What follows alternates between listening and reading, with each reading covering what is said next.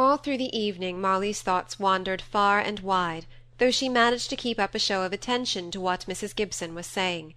She was thinking of Osborne, and his abrupt, half finished confidence, and his ill looks. She was wondering when Roger would come home, and longing for his return, as much, she said to herself, for Osborne's sake as for her own. And then she checked herself. What had she to do with Roger? Why should she long for his return? It was Cynthia who was doing this only somehow he was such a true friend to Molly that she could not help thinking of him as a staff and a stay in the troublous times which appeared to lie not far ahead this evening. Then Mr. Preston and her little adventure with him came uppermost. How angry he looked!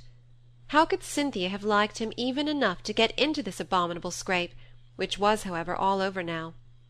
And so she ran on in her fancies and imaginations little dreaming that that very night much talk was going on not half a mile from where she sat sewing, that would prove that the scrape, as she called it in her girlish phraseology, was not all over. Scandal sleeps in the summer, comparatively speaking. Its nature is the reverse of that of the dormouse.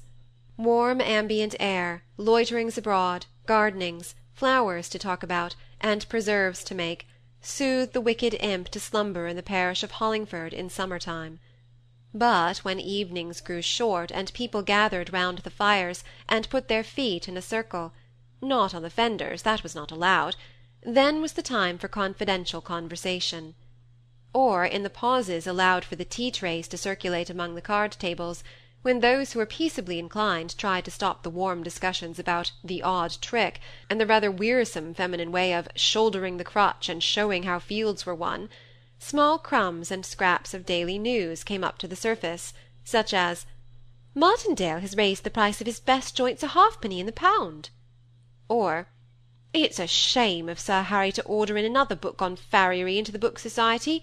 Phoebe and I tried to read it, but really there is no general interest in it or I wonder what Mr. Ashton will do now Nancy is going to be married. Why, she's been with him these seventeen years. It's a very foolish thing for a woman of her age to be thinking of matrimony, and so I told her, when I met her in the market-place this morning. So said Miss Browning on the night in question, her hand of cards lying by her on the puce baize-covered table, while she munched the rich pound-cake of a certain Mrs. Dawes, lately come to inhabit Hollingford. Matrimony's not so bad as you think for, Miss Browning," said Mrs. Goodenough, standing up for the holy estate into which she had twice entered. "If I'd a seen Nancy, I should have given her my mind very different. It's a great thing to be able to settle what you'll have for dinner, without never a one interfering with you." "If that's all," said Miss Browning, drawing herself up, "I can do that, and perhaps better than a woman who has a husband to please."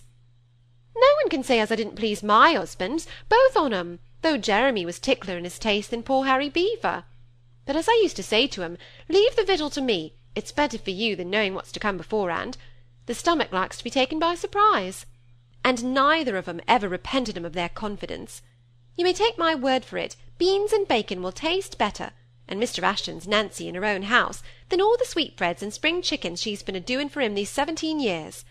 But if I choose, I could tell you of something as would interest you all a good deal more than old Nancy's marriage to a widower with nine children; only as the young folks themselves is meeting in private, clandestine like, it's perhaps not for me to tell their secrets."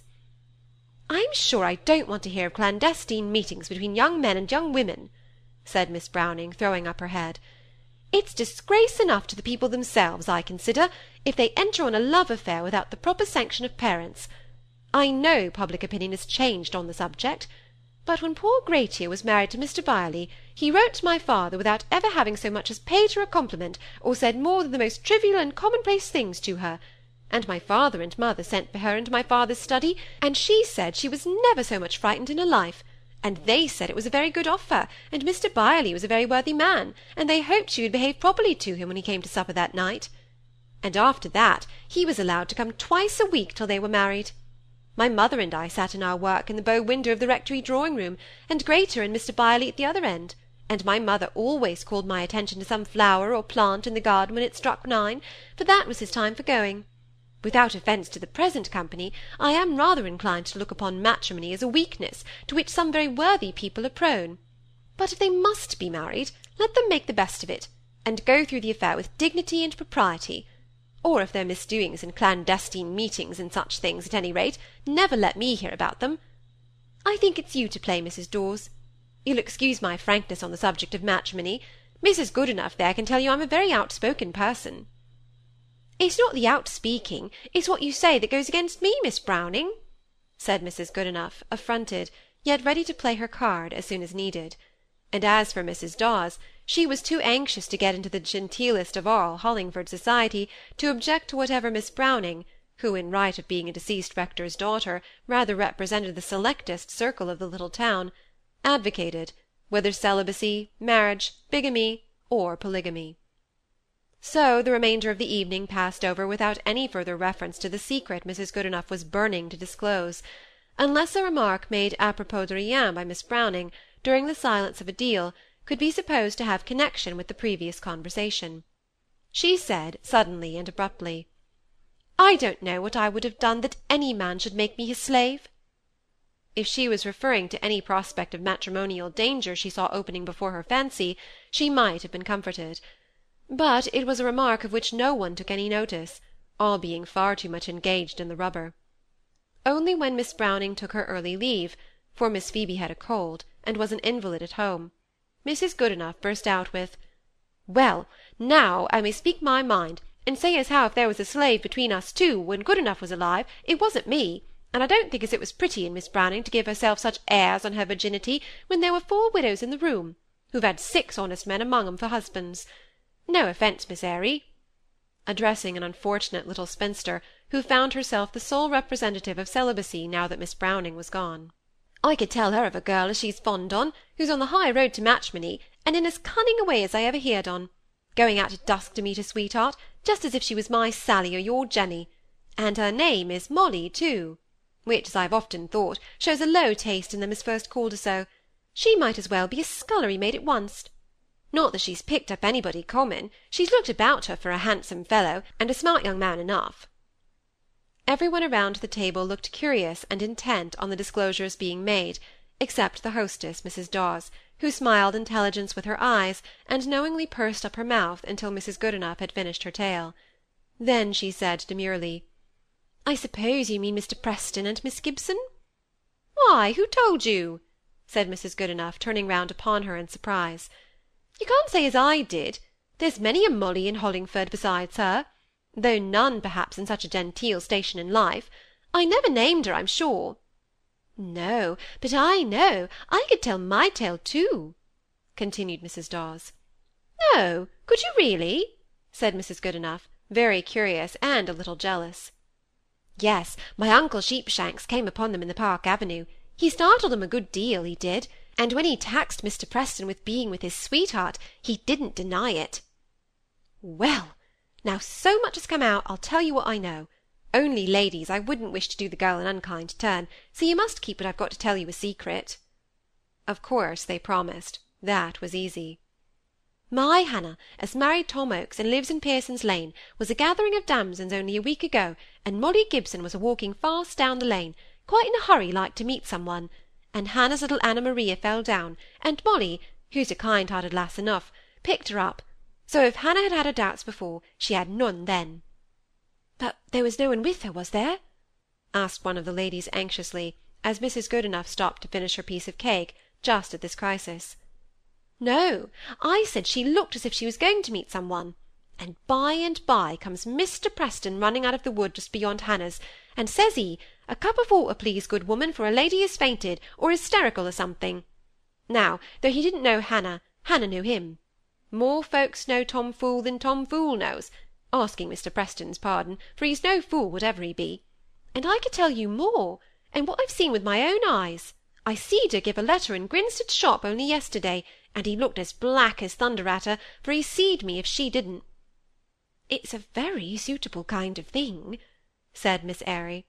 Why do they make such a mystery of it? Some folks like it, said Mrs. Dawes. It adds zest to it all, to do their courting underhand. Ay, it's like salt to their victual, put in Mrs. Goodenough. But I didn't think Molly Gibson was one of that sort, I didn't. The Gibsons hold themselves up very high? cried Mrs. Dawes, more as an inquiry than an assertion. Mrs. Gibson has called upon me.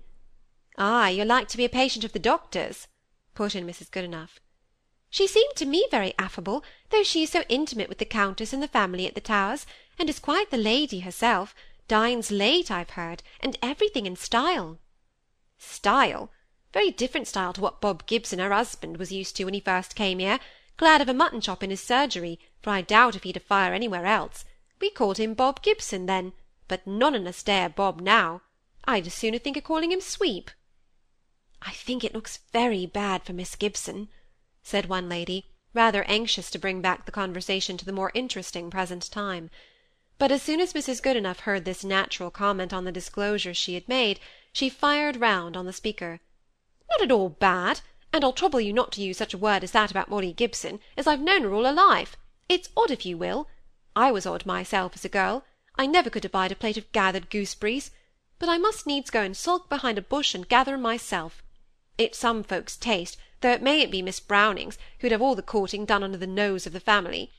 All as I ever said was that I was surprised at it in Molly Gibson, and that I'd have thought it was like her, that pretty piece of a Cynthia, as they call her.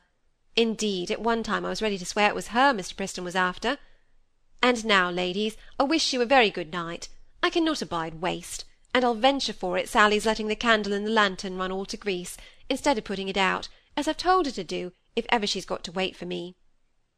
So with formal dipping curtsies the ladies separated, but not without thanking Mrs. Dawes for the pleasant evening they had had, a piece of the old-fashioned courtesy always gone through in those days.